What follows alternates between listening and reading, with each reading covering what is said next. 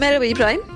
Merhabalar. Evet, podcast'imizin dördüncü bölümündeyiz. Bu bölümde Herman Hesse'nin meşhur kitabı Bozkır Kurdu'nu konuşacağız. Ben kısaca roman özetini yapmak istiyorum öncesinde.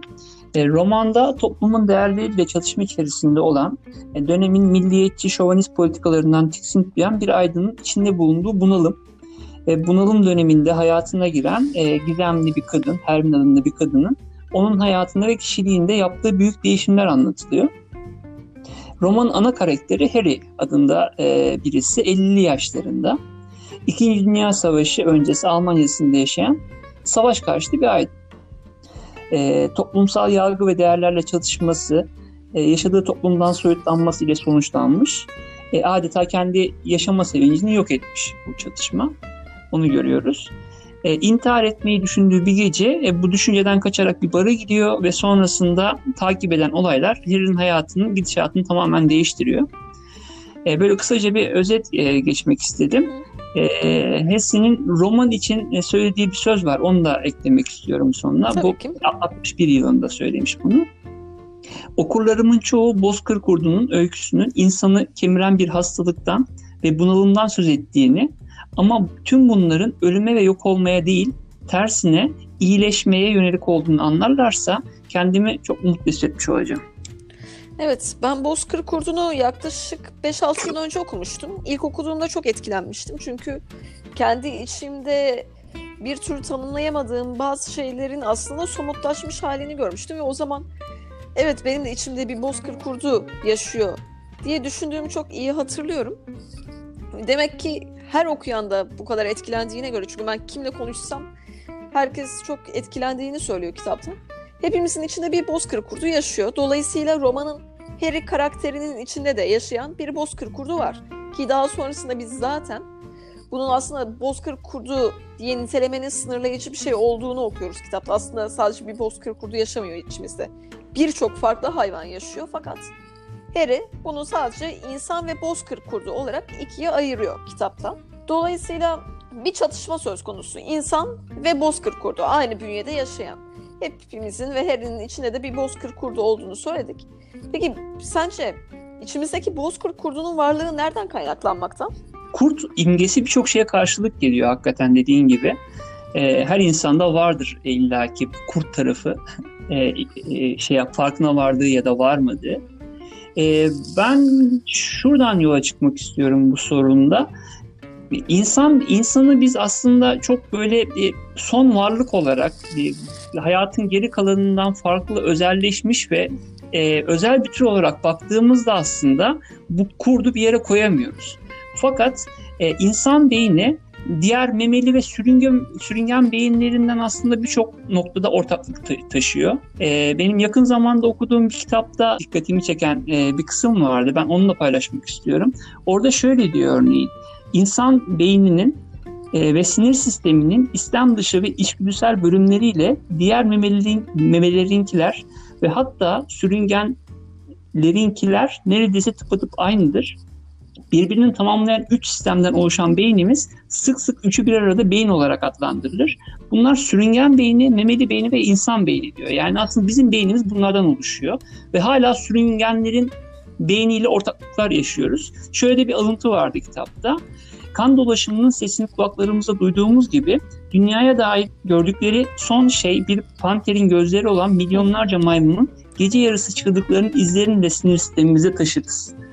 Şimdi buradan bakınca aslında çok da farklı ayrışmamışız insan hayvanlardan. Hala devam eden içimizde ortaklıklarımız var. İnsan doğmuyoruz, insan oluyoruz derler ya. Çünkü biz doğduğumuzda kültürlenme sürecine henüz girmiyoruz. İnsan olmaya çalışıyoruz. Bu bizim bir mücadelemiz, bir çabamız.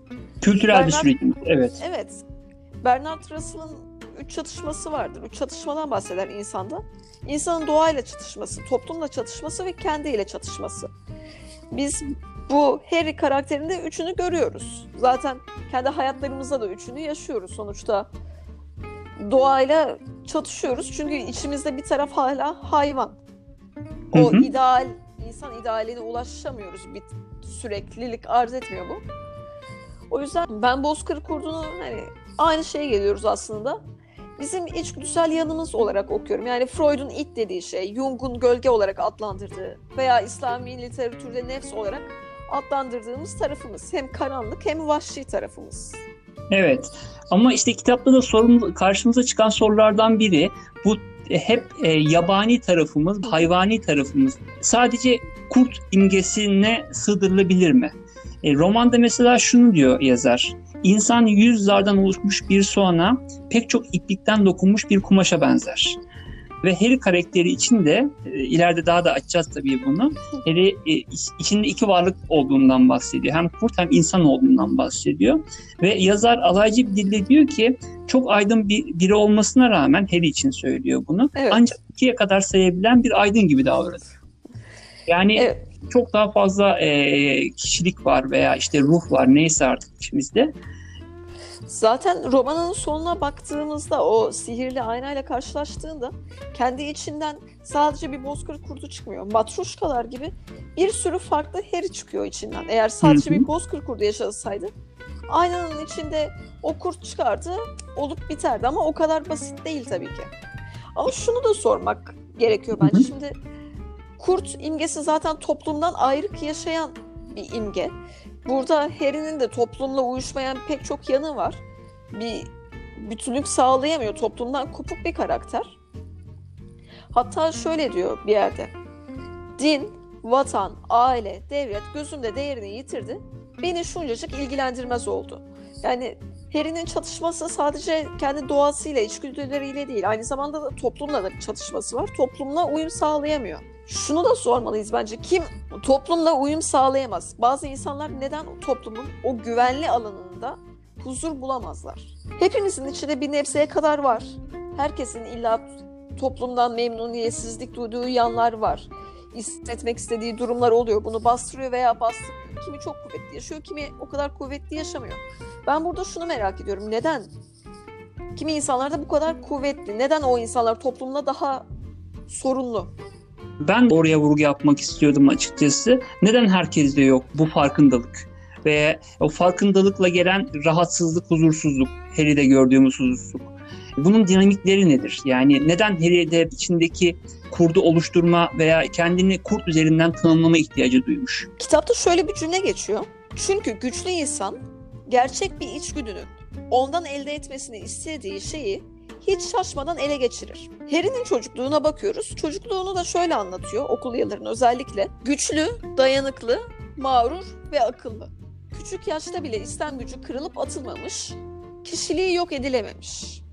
Ancak ondan nefret etmesi öğretilmiş. Bu karakterin içinde Bozkır Kurdu bu kadar kuvvetliyse bunun açıklaması kitapta onun çok aslında güçlü ve dayanıklı olmasıyla açıklanıyor. Evet öyle ama aynı zamanda başka bir yön daha var. Tamamen düşüncelerine boğulmuş da birisi aynı zamanda Harry. Bir noktadan sonra gerçeklikten kopup tamamen düşünceler denizinde kendini yaratıyor. Kendi benliğini e, biraz gerçeklikten kopuk bir şekilde tekrar kuruyor. Gerçeklikten kopuk çünkü tamamen kitaplar üzerinden oluşturmaya çalıştığı bir benlik. Şimdi hatırlayalım. İlk geldiğinde şehre kütüphaneleri gezmek istiyor ve öğreniyoruz ki şehir şehri gezip kütüphanelerden kitap toplayan bir adam bu. Yani yaşantının içinde değil. Daha sonrasında girdiği hayat ise tam tersi. Kitapların olmadığı, kültürün olmadığı, onun yerine yaşantıların var olduğu bir hayat. Eksikliği o bence. Evet, Novelist'ten bir alıntı da var romanda hatırlarsan. Diyor ki, yaşamayı değil düşünmeyi tercih eden insan gün gelir suda boğulur. Çünkü insan suda yaşamak üzere değil, karada yaşamak üzere evrimli geçirmiştir. Harry'nin içine girdiği e, çıkmaz da bence çok güzel ifade ediyor bu sözlerle. E, suda yaşamaya çalışan bir kara canlısı. Dolayısıyla çatışmaları da büyük oluyor. Evet, o onun düşünsel yanıyla alakalı, biraz yani entelektüel boyutuyla alakalı hayatın içinde olmak yerine kitapların arasında olmayı ve cevabını, kurtuluşunun cevabını orada aramaya çalışıyor. Bir de şöyle bir şey var. Bence Bozkır Kurda aynı zamanda bizim maceraya atılmak isteyen yanımız. Hani o kahramanın sonsuz yolculuğunda Joseph Campbell'in. O evde oturma, güvenli alanda oturma ve dışarı çıkma, maceraya atılma iklemi vardır ya. Ben Bozkır Kurdu'nu biraz da böyle okudum. Neden böyle okudum? Çünkü bazı söylemler var kitabın içinde. Mesela birkaç cümle örnek vereyim. şeytani bir acının içimi yakıp kavurmasını sağlığa yararlı bir oda ısısına üstün tutuyorum. Veya başka bir örnek. Benim aradığım bir başka mutsuzluktur. Tutkuyla acı çekmemi ve hazla ölmemi sağlayacak bir mutsuzluk. Şimdi bunları söyleyen kişi zaten maceraya atılmak isteyen kişi aslında. Yani Hı hı. bunu söyleyen kişi evde güvenli ortamda mutlu olan, konfor alanında yaşamak isteyen insan değil. Acı çekmeye razı. Hani o güvenli rahatlıktansa, sıcak ortamdansa, sağlığa yararlı ortamdansa diyor ben en kızgın ateşleri de atlayayım. Bence Harry'nin buradaki ikilemi bütün bunları istiyor olmasına rağmen hayatın göbeğini atlamıyor olması o zamana kadar. Eylemden yoksun. Sadece düşünceden ibaret. Dediğin gibi Evet. düşünmek için yaşıyor. Bir tutukluğu var. Evet. Ee, bir, bir de şöyle bir şeyi ben dikkatimi çekti okurken. Kurt tamam kendini tanımlamak için kullandığı bir imge Harry'nin. Fakat aynı zamanda kurt karakterini bir silah olarak da kullanıyor Harry. Burjuva hayatında e, hoşuna gitmeyen şeyler için. E, şöyle bir alıntı var. Onun üzerinden açıklayacağım. Böyle biri varlığının boyutları kendisini sıkıştırdığında Burjuva odasını fazlasıyla dar buldu mu hemen içindeki kurdu sorumlu tutar. İçindeki yabanıl varlık adına ne varsa hepsine kurt deyip çıkar. Hain, tehlikeli, burjuvazinin korkulu rüyası görür hepsini. Ve huzursuzluğuna karşı saldırırken de bir kurt imgesini kullanıyor aslında. Kurdu, kurdu sadece kendini tanımlamak için değil, bir işlevsel bir amacı da var yani burada. Bir de şu da var şimdi Harry aslında kendi iç dünyasına fazlasıyla eğilmiş bir insan değil o zamana kadar. Hermione karakteriyle karşılaşana kadar. Dolayısıyla evet deminden beri konuştuğumuz gibi her şeyi sürekli kurta yüklüyor. Yani kendi içindeki bütün farklı sesleri, bütün o toplumla uyuşmayan, burjuva hayatıyla uyuşmayan her şeyi kurt imgesi altında topluyor. Bir de şöyle bir durumu var Harry'nin. Yalnız kalmaktan hoşnutluk duyuyor. Bir yandan bağımsızlığı arzuluyor. Hatta bağımsızlık, yalnızlık için şöyle bir tanımı var. Soğuk ama sessiz. Yıldızların içinde durduğu uzay gibi harikulade sessiz ve büyük. Yani yalnızlığı bir anlamda yüceltiyor. Fakat sonrasında onun bir cenazede görüyoruz. Cenaze sırasında da düşünüyor bir yandan ya ben öldükten sonra benim için gerçekten gözyaşı dökecek kim var? Veya kimin hayatı benim için vazgeçilmez şu dünyada? Bir yandan da yalnızlık var. O yalnızlık da onun büyük ihtimalle bir türlü tahammül edemediği burjuva hayatına yetiyor. Çünkü burjuva hayatı da burada bahsettiğimiz hani daha konforlu, güvenli, toplumla uyumlu, aile hayatı gibi şeyleri çağrıştırıyor bana. Fakat öte yandan Harry için çekilmez bir hayat bu. Evet, buradan şeye geçebiliriz aslında. Burjuva hayatı neden e, Harry'nin gözünde çekilmez? Ben şöyle düşünüyorum aslında. E, en başta Harry'de yüksek bir birey, bireyselleşme düzeyi var. O aslında onu biraz burjuva dışı hayata itiyor. Kitaptaki bir alıntı. E, hayli yüksek düzeye çıkarılmış bireyselleşme benim karşısında yer alır. Onu yerinden yok etmeye çalışır hayli yüksek düzeye çıkarılmış bireyselleşme, buradaki Harry'de gördüğümüz bireyselleşme, Burjuva beninin karşısına bir tehdit olarak çıkıyor burada aslında. Ee, öyle bir çatışma var. Bir de Burjuva hayatıyla, büyük bir Burjuva hayatıyla Harry'nin hayatı arasında bayağı bir uçurum var. Kitapta e, Burjuva hayatını işte orta sınıf insanını bahsederken güven içinde yaşadığını söylüyor. Ve diyor ki örneğin Tanrı'ya sevdalanmışlığını verip vicdan rahatlığını alıyor. Hazzı verip hoşnutluğu alıyor. Özgürlüğü verip rahatlığı alıyor. Ölümcül ateşi verip tatlı sıcaklığı alıyor. Biz Harry karakterinde hepsinin tam tersini görüyoruz. e, Burjuva karakterinde ne kadar fedakarlık varsa, ne kadar vazgeçiş varsa ne uğruna, konfor uğruna, güven uğruna Harry bunların hepsini de alıyor aslında üzerine. Hiçbirinden de vazgeçmiyor. Evet Harry'e baktığımızda zaten aslında kendisi de bir burjuva olarak yaşıyor. Yani bakarsan bankada parası var, fena giyinmiyor. Polisle iyi geçinmeye çalışıyor. Hatta ilk o yayıncının teyzesinin evine kiracı olarak gittiğinde hatırlıyorsan adeta bir kurt gibi evin içini kokluyor ve temizlik kokusundan hoşlanıyor. O temizlik kokusuna gidiyor aslında. Bu da onun burjuvayı özleyen yanı. Ama işte içindeki çatışma da zaten burada ortaya çıkıyor. Burjuva Evet, ile ilgili dışarıdan- çok güzel bir tanım var. Benim çok hoşuma giden. Yıllardır unutmadığım bir tamlama hatta. Küçük memnuniyetler tanrısı. Bu benim çok hoşuma gitti. Çünkü memnuniyet dediğimiz zaman burada bir yetinme anlamı çıkıyor. Doyum yok orada. Gerçek bir coşku hali yok. Hı hı. Mutluluk değil bu. Küçük mutluluklar tanrısı değil. Memnunum. Hani hafif bir şey. İdare edip gidiyoruz gibi.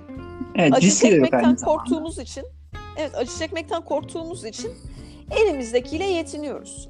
Halbuki mutluluk için acı çekmeyi de yeri geldiğinde göze alabilmek gerekiyor. Ancak o zaman hayat doyumlu bir hayat olabilir. Mesela şöyle diyor. Bu sterilize edilmiş yaşama ateş püskürüyor. Bir yana ateş püskürüyor, öte yandan o temizlik kokusuna hayran.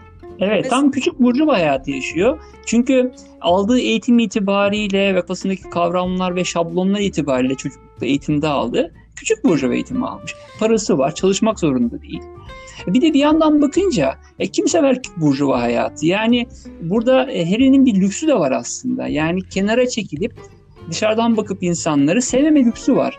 E, Birçok insanda aslında e, bu kabullenmişlik, işte konfor alanından çıkamama bir zorunluluk haline gelirken Harry'nin bulunduğu koşul itibariyle dışarıdan gözlemleme şansı var. Öyle bir lüksü de var aynı zamanda. Şimdi şöyle düşündüm. Aslında Harry'i şuna da benzetebiliriz. Dişleri kullanılmamaktan körelmiş bir kurt. Çünkü kurdun normalde vahşi hayat içinde yaşaması gerekiyor ki kendi yeteneklerini geliştirsin. Fakat bu o kadar konforlu bir alanda büyümüş ki o dişlerini sivriltebileceği bir ortamda olmamış. Daha sonrasında tabii ki işte fahişelerin olduğu ortamdan kaçıyor, işte soyguncuların olduğu ortamdan kaçıyor. Bütün uçlarda yaşayan radikallerin olduğu ortamlardan da kaçıyor. Kendine orada olmayı da yediremiyor bir yandan. Öyle bir ikilem ama mesela şu alıntıları çizmişim. Burjuva hayatıyla ilgili. Bütün yükümlülükleri yerine getirmeler. Aile içinde ölçüyü aşmayan şenlikler. Evet bir şenlik var. Ama kimse gerçek bir esirme hali yaşamıyor. Büyük bir coşku yok ortada. Böyle ölçüyü aşmadan herkes edebiyle eğleniyor. Bunu ortamı biliriz. Hepimiz tanık olmuşuzdur. İşte pazarları, kiliseye gitmeler, erken yatmalarla örülmüş, sağlıklı ve saygın bir yaşam. Her şeyden çok kin beslediğim, nefret edip lanetlediğim buydu. Bu hoşnutluktu. Bu sağlıklı durum, bu rahatlık. Burjuva sınıfının bu özenli iyimserliği, orta kararlılıkta, normalde, sıradanlıkta bu verili, bu başarılı disiplindi.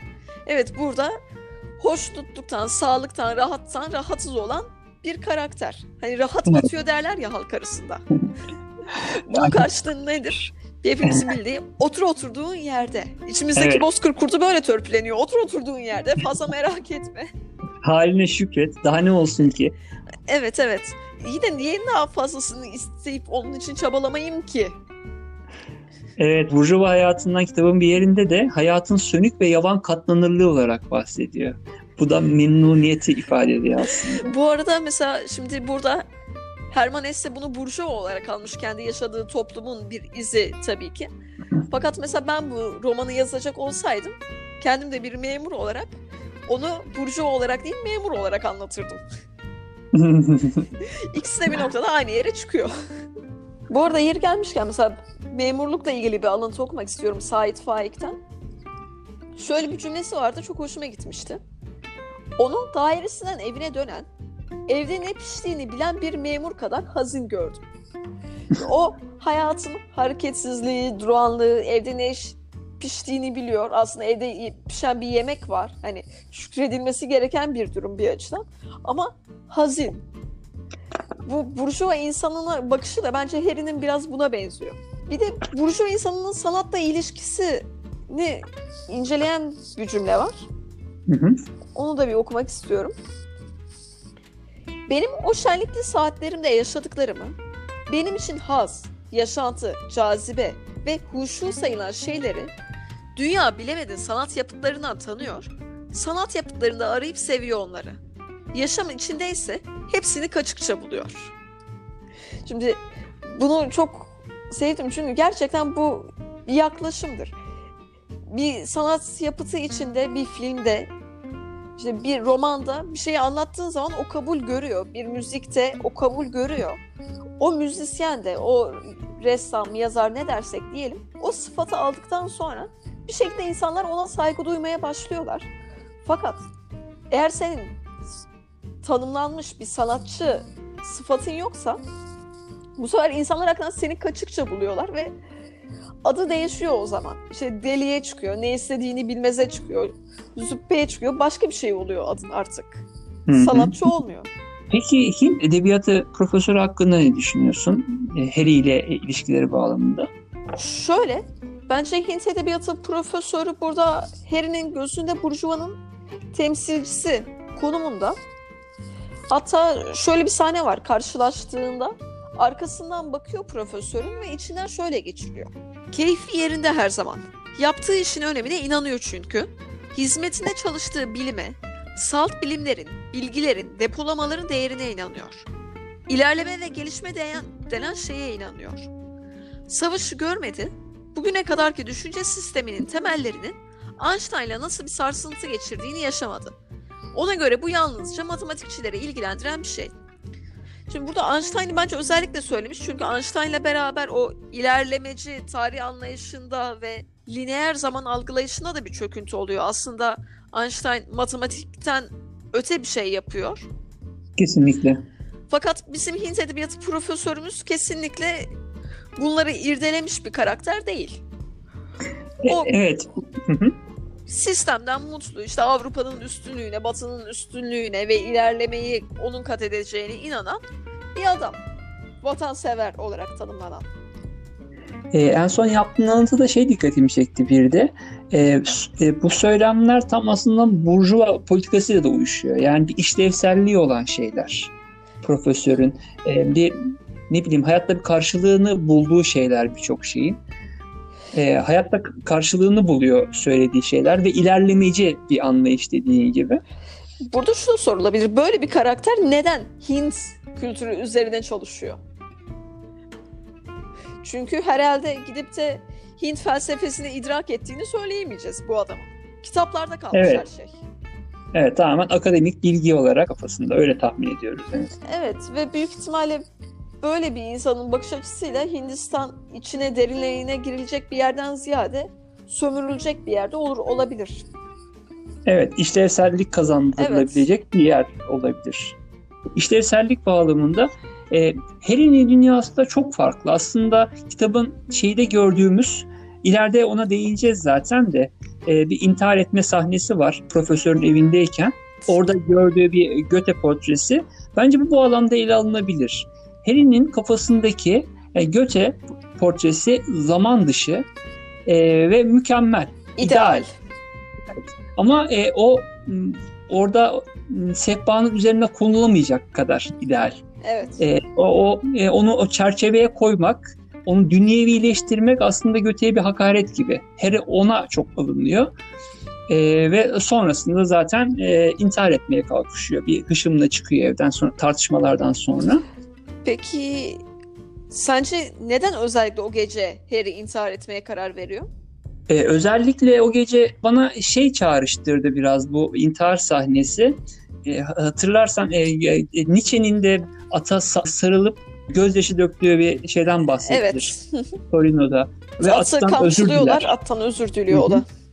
Attan özür diliyor ve sonrasında artık Nietzsche konuşmaz yani akıl hastanesinde vesaire geçirir hayatını.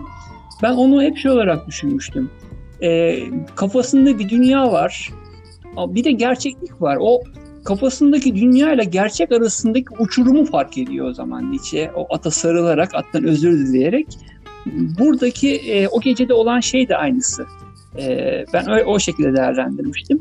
O gerçeklikle kafasındaki uçurum arasındaki e, çok büyüklüğünü fark ediyor ve artık e, katlanamaz oluyor bu e, uçuruma. Bir de o gece oraya giderken, o davete giderken aslında bunu kendisi için bir sınav olarak görüyordu. Yani kendi içindeki insanın hala toplum içinde yaşayabileceğini kendine kanıtlamak istiyordu. Fakat orada verdiği ayarsız tepkilerle beraber bunu da yapamayacağını gördü. Yani içindeki insanın tamamen saf dışı kaldığını düşündü bence ve biraz onunla da baş edemedi. Tamamen Bozkır Kurdu'nun eline geçtiğini düşündüğü için bari hayatımı sonlandırayım diye düşündü gibi okudum ben. Hmm, anladım. Şimdi Harry'nin kişiliğine baktığımızda evet içinde bir yandan Bozkır Kurdu olduğunu söylüyor, bir yandan bir insan olduğunu söylüyor. Bunun çatışmalarını yaşıyor. Fakat öte yandan baktığımızda tabii ki insanın içinde sadece ikiye indirilemez çatışmalar. Çok daha çeşitlidir. Harry'nin bu kişiliğinin gelişmesinde, bu çatışmalarının yaşanmasında Burjuva'nın rolü ne olabilir sence? Burjuva nasıl şekillendirmiş Harry'nin kişiliğini? Şimdi Burjuva kitapta da başka bir yerde de şöyle diyor örneğin. Burjuvalık bir denge sağlama insan davranışındaki sayısız aşırı uçları ve karşıt çiftler arasındaki dengeli bir orta yolu ele geçirme çabasından başka bir şey değildir. Evet. Ve Burjuva kişiliği aynı zamanda şöyle görüyor kişilikleri. Değişmez, sabit ve mutlak neredeyse değişime tabi olmayan e, değişmez bir kişilik olarak görmek istiyor. Kitapta da şöyle ifade ediyor. Sanki yalın ve sağlam bir biçime sahip, açık seçik hatlarla belirlenmiş bir nesneymiş gibi. Evet. Beninden söz, söz ediliyor. E, bu da çok aslında çok güdük bir benlik anlayışı. Ben burada aynı zamanda bir batı düşünce yapısının da eleştirisi olduğunu düşünüyorum. Şöyle çok hoşuma giden bir cümle oldu kitap içinde. Kişilik kuruntusunun maskesini alaşağı etmek için Hindistan'ın binlerce yıl gösterdiği yoğun çabayı Batı aynı kuruntunun desteklenip pekiştirilmesi için harcamıştı. Yani aslında kişiliği bir kuruntu olarak alıyor. Aslında böyle bir şey yok. Bir ben yok. Sabit bir ben yok en azından. Sürekli değişim halindeyiz ve içimizde pek çok farklı ben yaşıyor. Fakat Batı bunu alıyor bir kurgu olarak sanki hakikaten dediğin gibi tek bir ben var. İşte ben Mozart'tan hoşlanırım. Burada Harry zaten kendisi Mozart'tan hoşlanan kişi olarak tanımlıyor. Ve kendini o dar kalıba sıkıştırıyor. Halbuki sen Mozart'tan hoşlanıyor olabilirsin. Fakat ilerleyen zamanlarda kendisi başta kabul etmek istemese de Pablo'dan da hoşlanıyor. Yani böyle sabit bir şey olamaz. Bu şeye benziyor. İnsanlar sorar diye özellikle ergenlik döneminde ne tarz müzik dinliyorsun? En nefret ettiğim soruydu çünkü ne tarz müzik dinliyorsun diye bir şey olamaz. Çünkü hangi ruh halimdeyken, hangi andayken ne tarz dinliyorum denebilir belki. Ama benim birçok halim var içimde. Ben nasıl kendimi tek bir müziğe sıkıştırabilirim? Yine şey diyor. Beden olarak her insan tektir, ruh olarak asla. Ve şöyle bir cümle var. Her doğuş evrenden bir ayrılış demektir. Belli sınırlarla çevrilmek, Tanrı'dan kopup ayrılmak, acılı bir yeniden oluşum. Bu cümle sana neyi hatırlattı? Yakın zamanda okuduğum alıntı pasajda şöyle geçiyordu. Hazreti İsa e, Yahudilere gidip ben Tanrıyım dediğinde e, ona e, aklını kaçırmış gözüyle baktılar. Eğer Yahudilere değil de örneğin Hindistan'a gitseydi ben Tanrıyım deseydi yani yeni mi aklın başına geldi diyeceklerdi. Bu Batı'nın kişiliği aslında e, biraz kur, kurgu, hakikaten kişilik kuruntusu ve çok eli kolu bacağı kesilmiş bir kişilik. Yani e, tamamen böyle değişmez, sabit. Yani pratik hayatta da şöyle dediğin gibi çok doğru. Bir, ne müziği seversin? Hani sanki değişmez bir şeymiş gibi. Hani bir müzik zevkim varmış da ezeli ebedi böyle devam edecekmiş gibi. Veya e, her insanın zihinsel ve e, psikolojik altyapısının aynı olduğunu düşünmek gibi bir yanılgı da var. Çoğumuz yaşıyoruzdur bunu. Evet. Birinin beğenmediğini beğenmedin deyince nasıl beğenmezsin diye tepki veren Ve insanlar. hepimiz Ve kendimizi tanımlama hatasına düşüyoruz en önemlisi. E, evet, evet kesinlikle veya birinin komik bulduğunu herkesin komik bul- bulması gerektiğini düşünmesi. Bu çok büyük bir yanılgı aslında. Bu kendi kişiliğimizin e, zenginliğinin köreltilmesi, törpülenmesi. Evet. Şimdi ben bunu neyi tasavvuf felsefesine bağlayacağım? Bu cümle aslında direkt Bezmi Elest Meclisi'ni çağrıştırdı bana. Her doğuş evrenden bir ayrılış demek, Tanrı'dan kopup ayrılmak, belli sınırlarla çevrilmek, acılı bir yeniden oluşum. Şimdi Bezmi Elest'te de ne vardır? İşte evrenin yaratılışından önce tüm ruhlar Allah'la beraberdir. Şimdi ben burada bunu birlik ve sonsuzluk olarak okudum ve şöyle düşündüm. Birlik ne zaman gerçekleşebilir? Birlik nedir? Birlik huzur halidir. Çatışma yoktur birlikte. Hı hı. Bu da ancak sonsuzlukta mümkün. Neden sonsuzlukta mümkün? Çünkü ruhlar çok yönlü ve her yön kendini gerçekleştirmek istiyor. Her yön kendini geliştirmek, çoğaltmak istiyor. Hani biz işte okumak istiyorsak aslında çok fazla okumak istiyoruz. İşte dans etmek istiyorsak çok fazla dans etmek istiyoruz. Doğa içinde çok fazla vakit geçirmek istiyoruz. Bunun gibi istediğimiz pek çok farklı şey var. Ama öte yandan biz tek bir bedene sıkıştırıldık. Tek bir zamana ve tek bir mekana. Yani bu bir sürü farklı güç alıp bir şeye sıkıştırmak gibi aslında. Dolayısıyla sıkıştırıldığımız için de yetersiz geliyor koşullar. Sürekli bir çatışıyoruz. Fakat birlik ancak sonsuzlukta mümkün olabilir. Çünkü sonsuzlukta güçler çatışmaz. Bunu ben şöyle düşündüm. Sen aynı insanı alıp 10 insanı alıp tek bir eve yerleştirdiğin zaman onlar kaçınılmaz olarak kavga edecek. Ama çayıra çimene saldığın zaman kavga etmeyecekler. Tamam burada çatışmanın sebebi aslında tamamen bizim tek bir hayata, tek bir bedene sıkıştırılmış olmamız ki tek bir hayata, tek bir bedene sıkıştırıldık mı o da tartışılır. Bu bizim algımız yani ben algısı.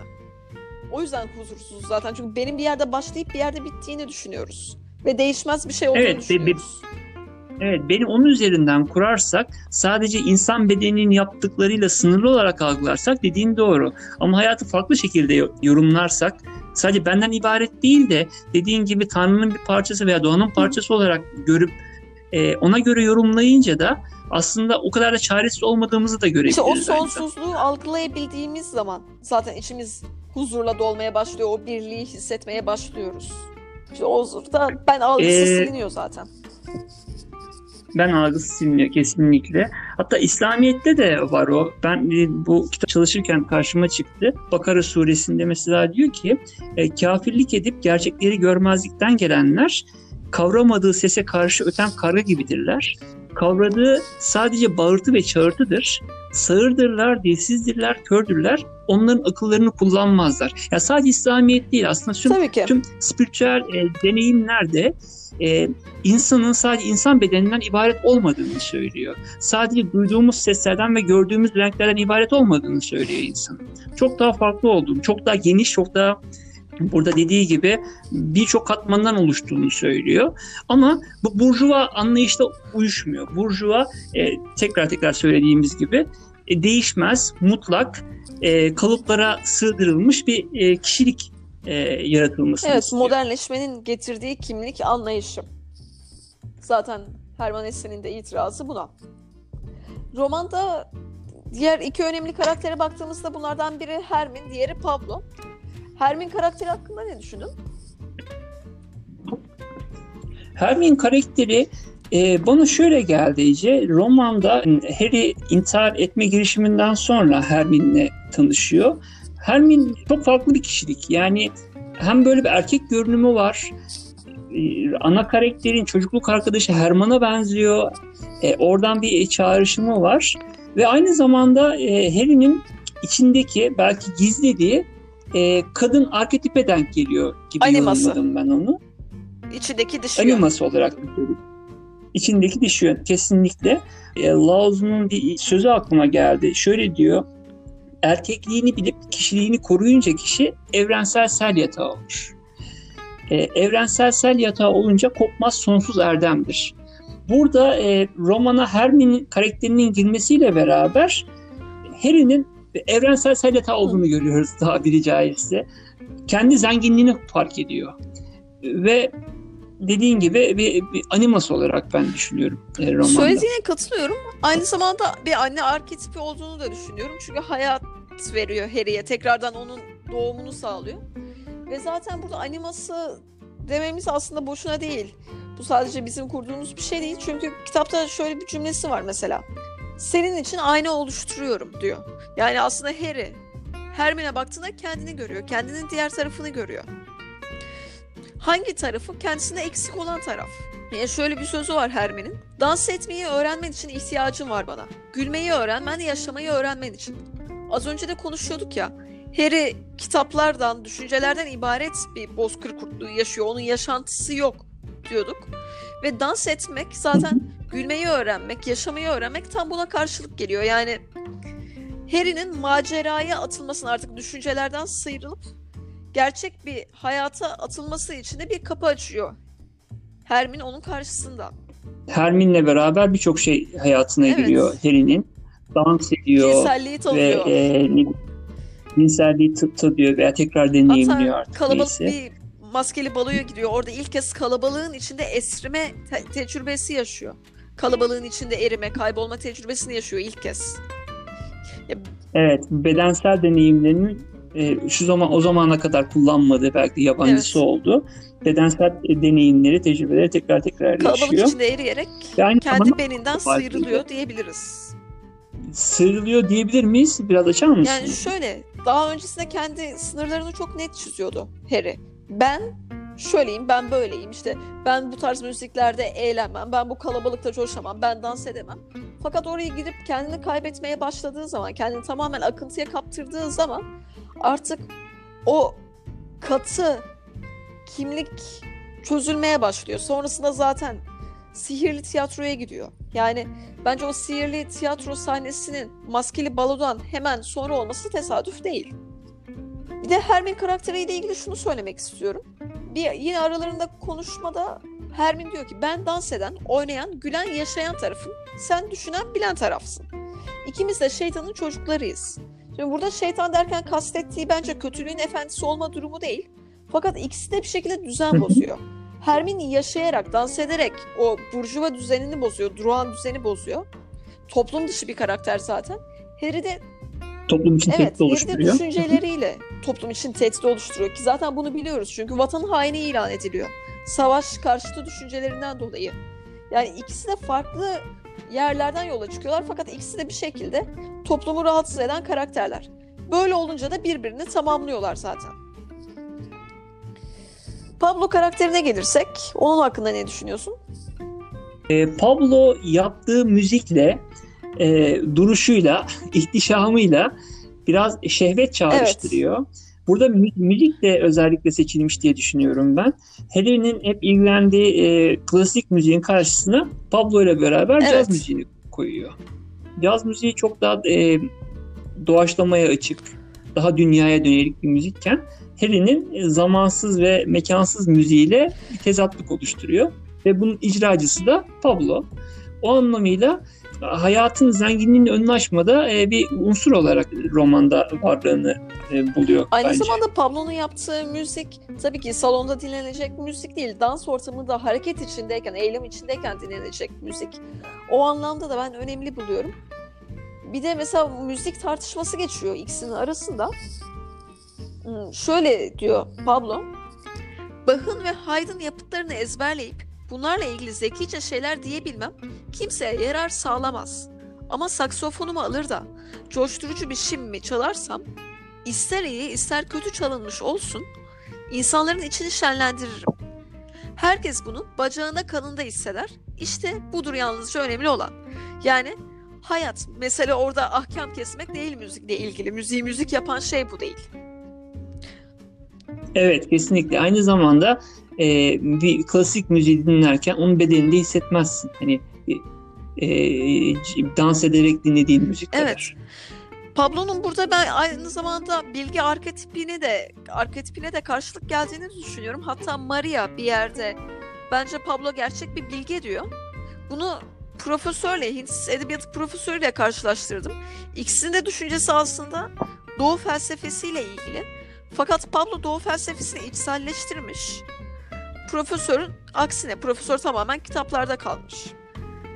Ve orada söylediği bir söz var. Adet gereği küçük bir intiharı gerçekleştireceksiniz. Ben buradan şunu anlıyorum. Yani ölmeden önce ölmek, kendi benliğinden sıyrılmak, kendini yeniden tanımlamaya başlamak. O anka kuşu olarak düşündüm bunu. Kişilik yaratım süreci bir e, ölüm gibi aynı zamanda. Ölüm ve yeniden evet, doğum kendini gibi. yeniden tanımlamak için, yenilenmek için bir içinde ölüm geçirmen gerekiyor. Ha, çok güzelmiş. Onun dışında kitap zaten sonlarına doğru baktığımızda Harry'nin çözümü mizahta bulduğunu öğreniyoruz. Daha doğrusu Pablo ona çözümün mizahta olduğunu söylüyor. Şöyle diyor, sihirli tiyatro ile ilgili. Burada bir mizah okulunda bulunuyorsunuz, gülmeyi öğreniyorsunuz. En yüksek düzeyde mizah yeteneğine kavuşmanın başlıca koşulu da kendi kendini böyle ciddiye almamaktır. Hı hı. Neden burada sorulabilir? Neden kurtuluş mizahta? E, mizahın yıkıcı bir tarafı var. E, sorgulatıcı bir tarafı var. E, Örneğin her şeyin doğru olduğu yerde bir mizah yapamazsın. Yani doğru olarak tanımlandığı bir yerde mizaha yer yoktur Evet. örneğin. E, mizah hep bir, bir soru işaretiyle beraber gelir. Bir, bir kabullenmeme ile beraber gelir. Dolayısıyla iktidar her zaman mizahtan korkar örneğin. Ve bir şey vardı, o, o söz aklıma geldi. Elon Watson şöyle diyordu. Gerçek aydınlanma kaygının kahkahaya dönüşmesidir. Güzel bir sözmüş. Ee, burada da şey aslında Harry'nin içinden çıkamadığı handikap en başta işte tüm hayatını insan ve kurt ikili üzerine kurup ve bir noktada gelip sıkışması da mizahın olmamasından aslında. Mizah olsaydı belki o sorgulamaya da açacaktı ve e, şeye baktığımızda örneğin felsefe tarihinde birçok büyük filozof kendiyle mizah yapabilmeyi büyük bir erdem olarak göstermiştir. E, aynı zamanda kurulu ben karşısında da mizahın çok e, yıkıcı bir fonksiyonu var. Onu da sorgular hale getiriyor. E, Burjuvazi için de bir tehdit oluşturuyor.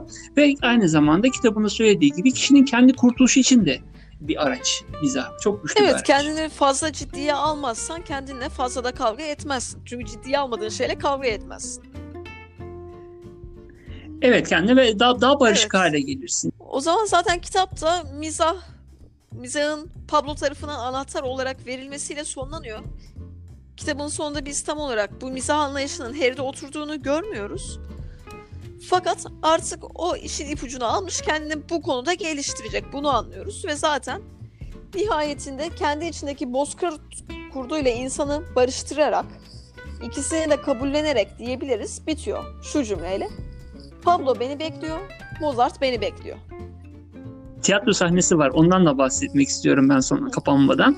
E, tiyatro sahnesinde de birçok e, kapıya girip farklı farklı şeylerle karşılaşıyor Harry. Ben bunun şey olduğunu düşünüyorum. Kendinin kişi keşfetmediği e, arketiplerini görüyor. Hep savaş karşıtı olarak kendini tanıtan Harry orada patır patır adam öldürüyor, öldürüyor bir yerde. Cinsel Ee, zevklere ilgi ve- duymadığını söyleyen Harry bir sürü kadınla beraber Kesinlikle. oluyor. beraber görüyoruz aynı şekilde. Ben kitap bitirdikten sonra gerçekten de insanın uçsuz bucaksız derya deniz bir zenginlik olduğu hissiyle böyle kapattım e, son sayfayı. Bana çok çok güzel bir enerji verdi kitap. Onu da söylemek Ya istiyorum. bu kitabın bende yeri çok özeldir. Yani bir 5-6 yıl önce dediğim gibi okuduğumda çok sarsılmıştım ve o zaman şunu anladım. Ben de onu yapmaya çalışıyordum. Ben ya şöyle olmalıyım ya böyle olmalıyım. Hani ben şu muyum ben bu muyum sorusunun cevabı içimde çok fazlaydı. Bir yerden sonra şunu anladım. Hayır ya şu ya bu olmak zorunda değil. Hem şu hem bu olabilir. Yani Evet Pablo güzel. da beni bekleyebilir, Mozart da beni bekleyebilir. Ben ikisini de dinleyebilirim. Bunun bir sakıncası yok. Ki zenginleştiriyor Evet, kesinlikle. aksine. Peki o zaman bir dahaki podcastimizde görüşmek üzere. Görüşmek üzere. Teşekkürler dinlediğiniz için.